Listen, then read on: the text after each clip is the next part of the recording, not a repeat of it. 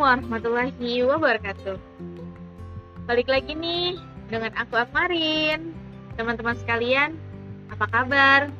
Mudah-mudahan teman-teman selalu sehat walafiat dan selalu dalam lindungan Allah Subhanahu wa taala.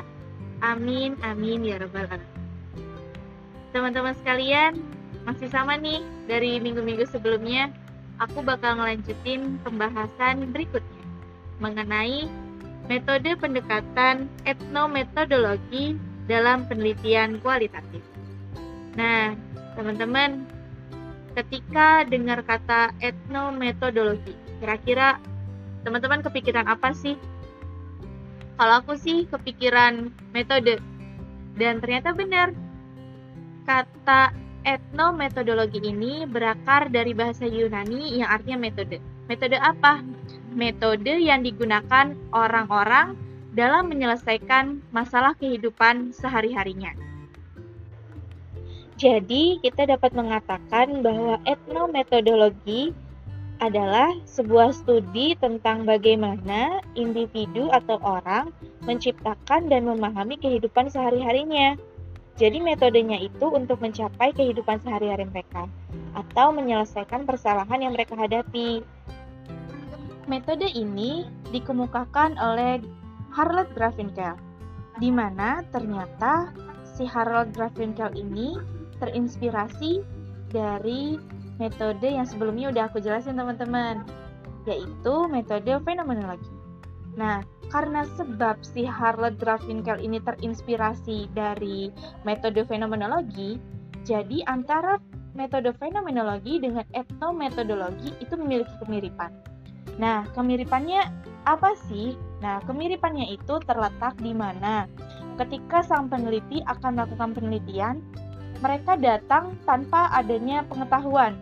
Maksudnya, mereka memang mengosongkan pengetahuan mereka, persepsi mereka, prasangka mereka tentang objek yang akan mereka teliti.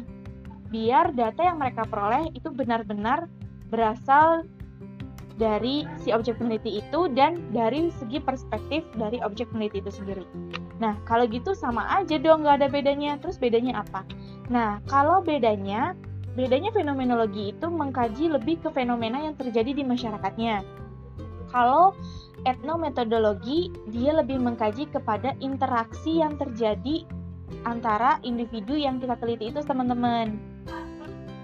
Kemudian untuk tujuan dari metode ini sendiri, yang pertama tuju tujuannya adalah peneliti atau kajian etnometodologi ini mempelajari bagaimana anggota masyarakat selama berlangsungnya interaksi sosial. Jadi membuat pengungkapan istilah-istilah tersendiri.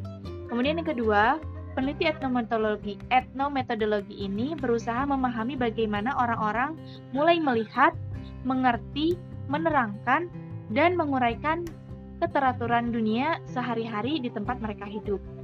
Kemudian yang ketiga, pemanfaatan metode ini lebih dilatari oleh pemikiran praktis ketimbang oleh kemanfaatan logika formal.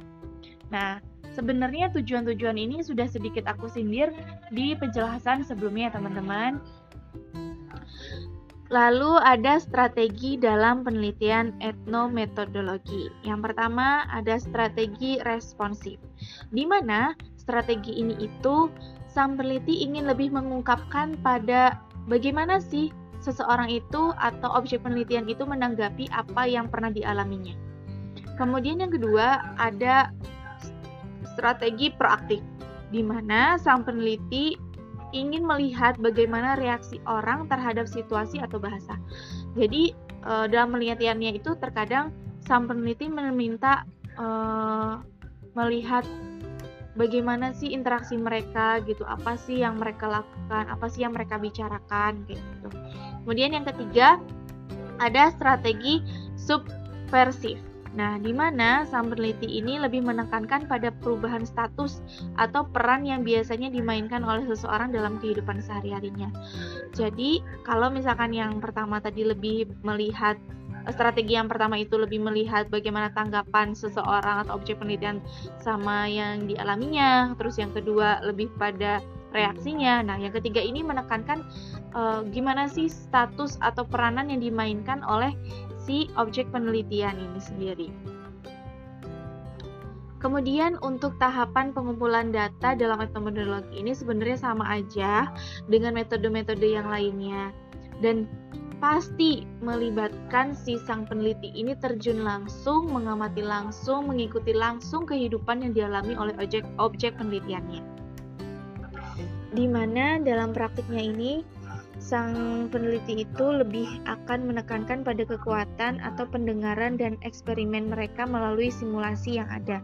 Maksudnya itu, jadi si sang peneliti itu benar-benar mengamati betul apa yang terjadi dalam interaksi si masyarakat itu sendiri, bagaimana reaksinya, bagaimana gesturnya, bagaimana body language-nya, dan lain-lain. Dan juga dalam metodologi ini, hal yang diteliti itu bukanlah hal-hal yang besar, melainkan lebih ke hal-hal kecil dan sepele yang ada di kehidupan masyarakat.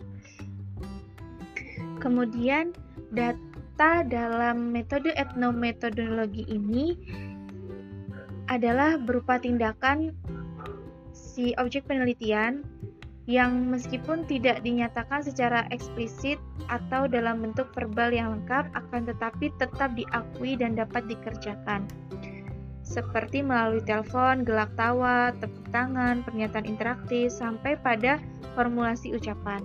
Jadi seperti yang sudah saya katakan sebelumnya, bahwasannya karena penelitian ini terfokus pada interaksi si objek penelitian, jadi data yang diperoleh pun berupa isi dari uh, si interaksi itu sendiri.